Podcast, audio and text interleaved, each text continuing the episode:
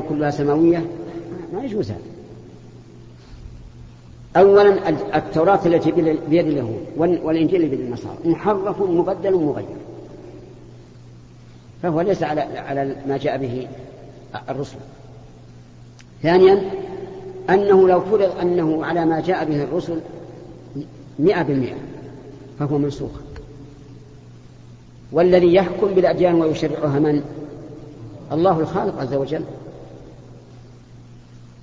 قال الله تعالى وأنزلنا عليك الكتاب بالحق مصدقا لما بين يديه من الكتاب ومهيمنا عليه فاحكم بينهم بما أنزل الله. انتهى. وظائف دين اليهود ودين النصارى انتهت. ولا قيام لها أبدا. أفهمت؟ أما بالنسبة للشيعة والسنة فكل منهم يقول أنه مسلم. ولكن يجب أن يوزن ذلك بميزان الحق. وينظر هل الخلاف بينهم كالخلاف بين الشافعي وأحمد وأبي حنيفة ومالك وسفيان الثوري وغيره أو هو خلاف جذري في العقيدة. إن كان الثاني فلا بد أن يدعى هؤلاء إلى دين الإسلام. ويبين لهم منهم على ضلال. ولا يمكن أن نقارب بين الإسلام وبين ما ليس بإسلام. هذا لا يمكن. ولذلك أنا أن أرى أنه يجب على علماء أهل السنة أن يدعوا إلى السنة دون أن يهاجموا بذكر بطلان مذهب الرافضة مثلا الذين يسمون أنفسهم شيعة. ما نهاجم لأن الإنسان مهما كان إذا كان, له مبدأ وهوجم نفر وأبعد. لكن تبين السنة وتبين فضائل الصحابة ولا سيما الخلفاء الراشدون. أبو بكر عمر عثمان وعلي. وإذا بين الحق فالنفوس مجبولة على قبول الحق. لكن الذي يضر الناس الآن المهاجمة وهذا غلط ليس من الحكمة. قال الله عز وجل ولا تسبوا الذين يدعون من دون الله فيسبوا الله عدوا بغير علم مع أن سب آلهة المشركين واجب. لكن لا نسبه لأنهم إذا إذا سببنا آلهتهم وهي باطلة سبوا إلهنا وهو حق. كذلك الدعوة أنا لا أحب من الدعاة أن يهاجموا لا أحب أن يبينوا الحق. وإذا بان الحق فالنفوس مجبولة على قبوله. نعم. عندك سؤال؟ صح صح الضيوف. ما عندك سؤال؟ ها؟ طيب ما في مشكلة. بارك الله أنت من الضيوف؟ ولا لا؟ لا من هذا هذا الضيف الحمد لله والصلاة والسلام على رسول الله. ما القرب التي تهدى ويصل نفعها إلى الميت؟ نعم. أولا بارك الله فيك أصل الإهداء إلى الأموات ليس مشروعا ولا مسنونا لا صدقة ولا عمرة ولا حج ولا شيء المشروع هو الدعاء. والدليل على هذا قول النبي صلى الله عليه وعلى آله وسلم إذا مات الإنسان انقطع عمله إلا من ثلاث صدقة جارية أو علم ينتفع به أو ولد صالح يدعو له. الحديث الآن في سياق عمل ولا في سياق دعاء؟ أسألك عمل عدل النبي عليه الصلاة والسلام عن العمل للميت إلى الدعاء له. فدل هذا على أن هذا المشروع. أما العمل فليس بمشروع. ولكن هل هل ينفع الميت إذا أهديت إليه العمل أو لا؟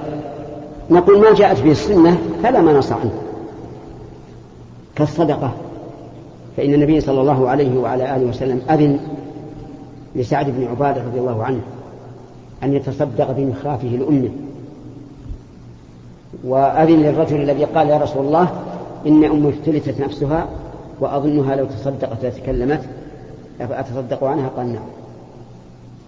وأذن للرجل الذي كان يلبي عن شبرمة قال أحججت عن نفسك؟ قال لا قال حج عن نفسك ثم حج عن شبرمة وأذن في قضاء صوم النذر وفي قضاء آه و... نعم وفي الحج عن العاجز الذي لا يرجى زوال عجزه فما جاءت به السنة فهو ما حكمت به السنة.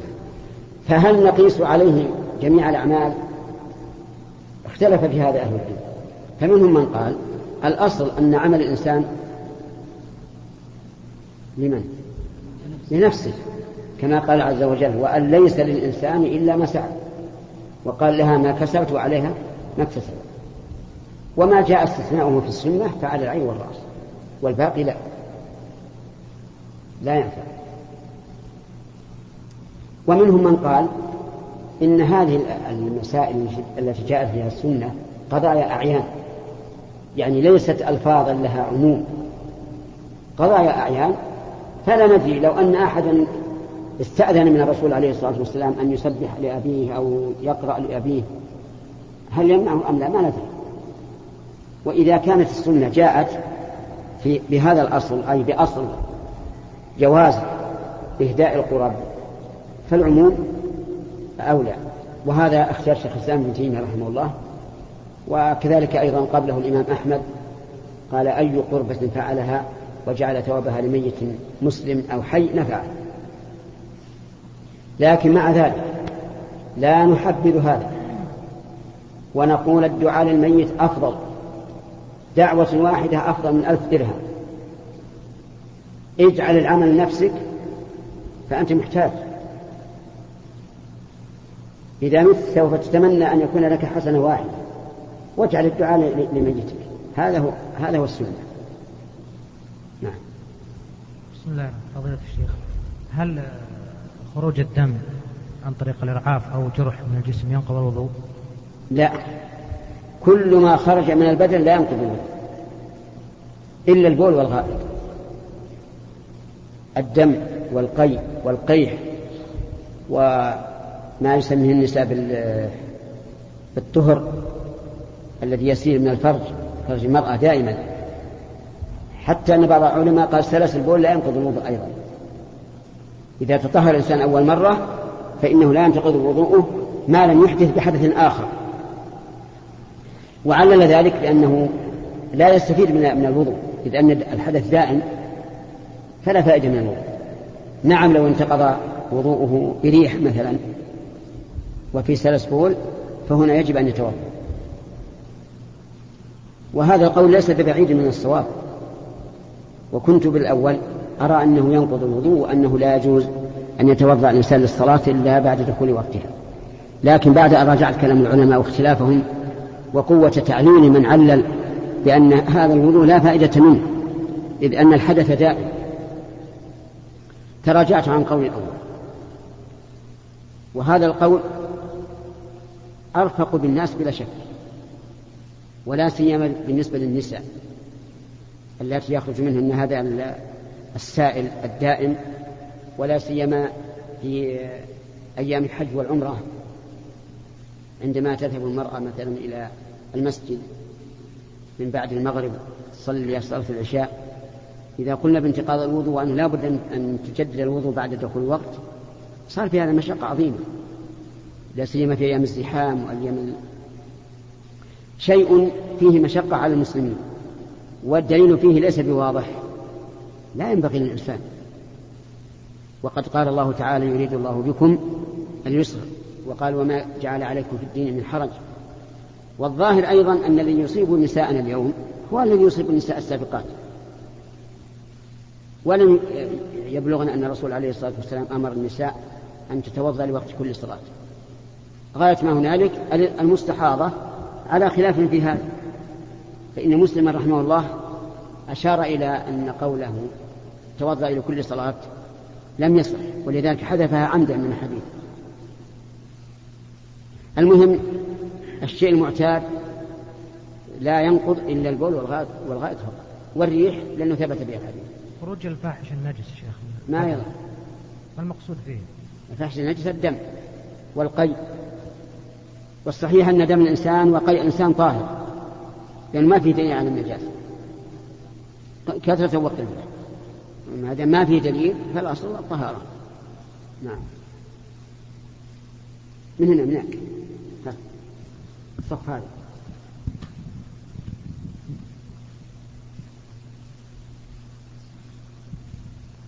فضيلة الشيخ رجل أو كفيل عنده عامل وهذا العامل كافر فألح عليه بالسفر إلى أهله فامتنع. ألح من؟ العامل. العامل. نعم. فيقول هذا الكفيل يقول سجد أمامه. سجد من؟ الكافر سجد أمام الكفيل. الكفيل نعم. إيه؟ فيقول رحمته شفقة مني سمحت له برسالة لما أشرك به. أقول لما أشرك به. أليس كذلك؟ أليس نعم ها؟ والله هذا نظر يقول رحم شفقة مني المهم لما سجد لما أشرك بالله رق له.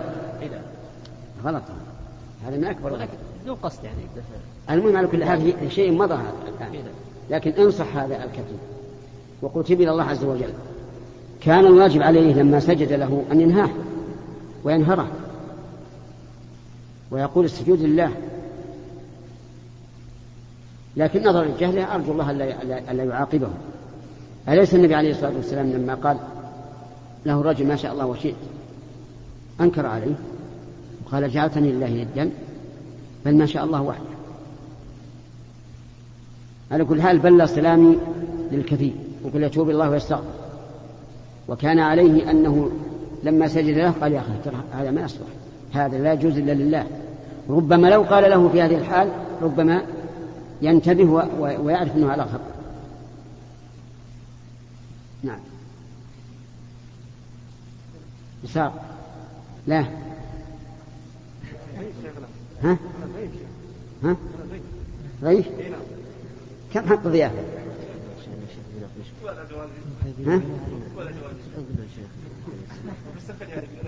إن شاء الله بسم الله الرحمن الرحيم وصلى الله على سيدنا محمد وعلى آله وصحبه وسلم. فضيلة الشيخ هذا سؤال موجه إليكم. رجل وصى ابنه الكبير قبل أن يموت. على ألا يزوج أخواته الصغار حتى يتخرجن من الجامعة؟ لأن الرجال اليوم لا يوثق بهم. يزوجون النساء ويطلقون ويطلقهن ويطلقهن متى شاءوا. فتصبح المرأة لا حول ولا, لا حول لها ولا قوة. فإن درست وتخرجت تخرجت من الجامعة وهذا الفراق بينها وبين زوجها تتوظف وتستغني من سؤال الناس. وبعد موت أب وكبر وكبر وكبرت أخواته فخشي على أخواته الفتنة في دخول الجامعة لوجود الاختلاط والفساد وما أشبه ذلك. فهل له عدم تنفيذ وصية أبيه؟ وإذا كان الجواب بنعم. فماذا تقولون في قوله تعالى ومن بدله بعد ما سمعه فإنما اسمه على الذين يبدلونه؟ جزاكم الله خيرا. نعم. أقول هذه وصية لا عبرة بها ولا يعمل بها. بل متى خطب المرأة كفء ورضيت به تزوج. ولا عبرة بوصية أبيها. وأما قوله تعالى فمن بدله بعد ما سمع فالمراد به الوصية النافذة. أما غيرها فقد قال الله تعالى فمن خاف من موص جنفا أو إثما فأصلح بينهم فلا إثم عليه. وهذا لا شك أنه جنف. شابة تريد الزواج نقول لا حتى تخرج من الجامعة. ولا ندري ربما ترسم مرتين أو ثلاث وتبقى سنوات.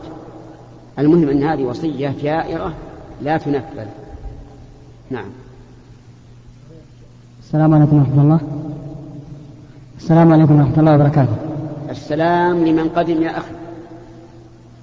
ما رأي سماحتكم في طلاقي لزوجتي ثلاث طلقات؟ إيش؟ ما رأي سماحتكم في طلاقي لزوجتي ثلاث طلقات في آن واحد وأنا في السيارة؟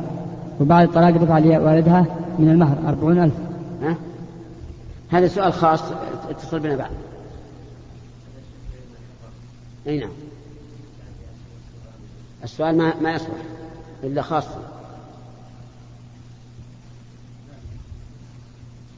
أحسن الله إليكم يا الشيخ السؤال إذا كان الرجل من أهل القبورية آه، يسجد للقبور ويطوف حول القبور ويذبح للأضرحة وي... ويعد هذه الأشياء من الإسلام علما بأن بأن دعوة الإسلام ما وصل إليه وهو لا يعرف معنى التوحيد ولا كلمة التوحيد ولا كلمة التوحيد فما حكمه عليه؟ هل نعتبره من المسلمين أو من المشركين؟ آه نعم هل بلغته الدعوة على وجه صحيح أو لا؟ إن لم تبلغه الدعوة على وجه صحيح وهو ينتسب إلى الإسلام فهو مسلم ظاهرا. وأما في الآخرة فأمره إلى الله. أما إذا كانت الدعوة بلغته لكن قال إنه وجد آباءه على هذا فهذا كافر. لأنه كالذين قال الله فيهم إنا وجدنا آبانا على أمة وإنا على آثارهم مقتدون نعم. واضح الجواب؟ طيب بعده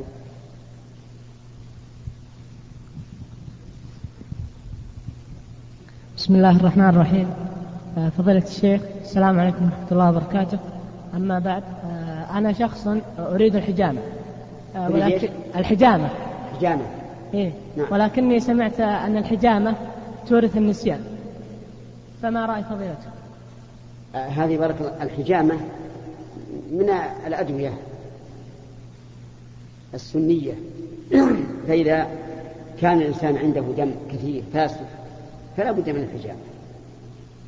وحينئذ يعرض الأمر على طبيب مختص. فإذا قال لا بد من الحجامة فلا بد منها. ثم أعلم أن الإنسان إذا حجم أول مرة اعتاد بدنه على هذا. وصار لابد أن يحتجم كل عام. وإلا غشى عليه الدم. وإذا لم يحتجم أصلا فإنه في الغالب لا يحتاج إليها نعم. أما أنها تورث النسيان فلا. كيف الرسول يبين أنها من الأدوية النافعة؟ يقول أنها تورث النسيان. هذا غير صحيح. النسيان من أكبر أسبابه معصية الله عز وجل. كما قال الله تعالى فبما نقضهم ميثاقهم لعناهم وجعلنا قلوبهم قاسية يحرفون الكلمة عن مواضعه ونسوا حظا مما ذكروا به. الحمد لله رب العالمين وصلى الله وسلم على نبينا محمد. اللهم صل وسلم عليه. الشيخ محمد أشهد الله عز وجل على محبتكم جميعا. أحبنا الله. الذي أحببتمونا فيه. أحبكم الله الذي أحببتمونا فيه. سؤال يا شيخ كيف يجمع بين قول النبي عليه الصلاة والسلام إذا صلى أحدكم الجمعة فليصلي بعدها أربعة وبين قوله صلى الله عليه وسلم أنه كان يصلي في بيته ركعتين؟ حفظكم الله. نعم. اختلف في هذا أهل العلم فقال بعضهم إنه يصلي ستا. ركعتان ثبتا بالسنة الفعلية. وأربع بالسنة القولية. هذا قول. قول ثاني أن المعتبر القول وهو أن يصلي أربعا فتكون سنة الجمعة أربع فقط. القول الثالث التفصيل إن صلى في المسجد صلى أربعة لأن النبي صلى الله عليه وعلى آله وسلم قال إذا صلى أحدكم الجمعة فليصلي بعدها أربعا ولم يقيد فيكون الصلاة إذا إن صلى في المسجد فأربع وإن صلى في بيته فركعتان. وهذا اختيار الشيخ الإسلام ابن تيمية رحمه الله. يعني التفصيل. والحمد لله الأمر واسع. يعني لو أنه ذهب إلى البيت وصلى أربعا بتسليمتين كان حسنا. ما يضر إن شاء الله. ليس لك إلا سؤال واحد إلا عند الحاجة إذا لم نجد أحدا أذنا لك نعم أخذت طيب تفضل بسم الله الرحمن الرحيم نسأل الله سبحانه وتعالى أن يرزقنا وإياك الفردوس الأعلى رب العالمين ويثبتنا وإياك على طاعته. نسأل يا شيخ عن فك السحر بالسحر في الضرورة. عن إيش؟ فك السحر بالسحر. نعم. في أثناء في الضرورة بعد ما ذهب الإنسان إلى القراء واسمه وقرأ عندهم ولم يفتك السحر هذا. وجزاكم الله خير. يشفيه الله عز وجل. يتابع القراءة ويشفيها الله عز وجل. بعده. بسم الله الرحمن الرحيم. فضيلة الشيخ الأعمال والأقوال المباحة هل تكون في ميزان حسنات العبد أم في ميزان سيئاته وهل هناك أقوال وأعمال لا يثاب الإنسان عليها ولا يعاقب تكلمنا قبل قليل على عدل. فإذا كان العمل ليس مأمورا به ولا منهيا عنه وفعله الإنسان ماذا ما هو العدل؟ أجب أجب يا رجل. عمل الإنسان عملا ليس فيه أمر ولا نهي. لا يثاب ولا يعاقب. لا يثاب ولا يعاقب. هذه ولهذا العلماء أجمعوا على ما دل على الكتاب والسنة من أن هناك قسما في الشريعة الإسلامية يسمى الحلال أو المباح. ليس فيه ثواب ولا ولا عقاب. إلا إذا كان وسيلة لمطلوب شرعا ففيه ثواب. أو كان وسيلة للمحرم ففيه عقاب. ولهذا لو قال لنا قائل ما تقولون في شراء الماء للصلاة. قلنا فيه أجر ولا ما فيه أجر؟ فيه أجر.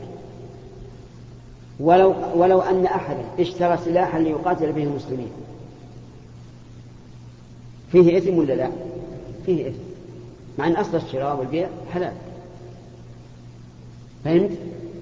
نعم لكن قول بعض السلف شيخ إني أحتسب على الله نومتي وقومتي.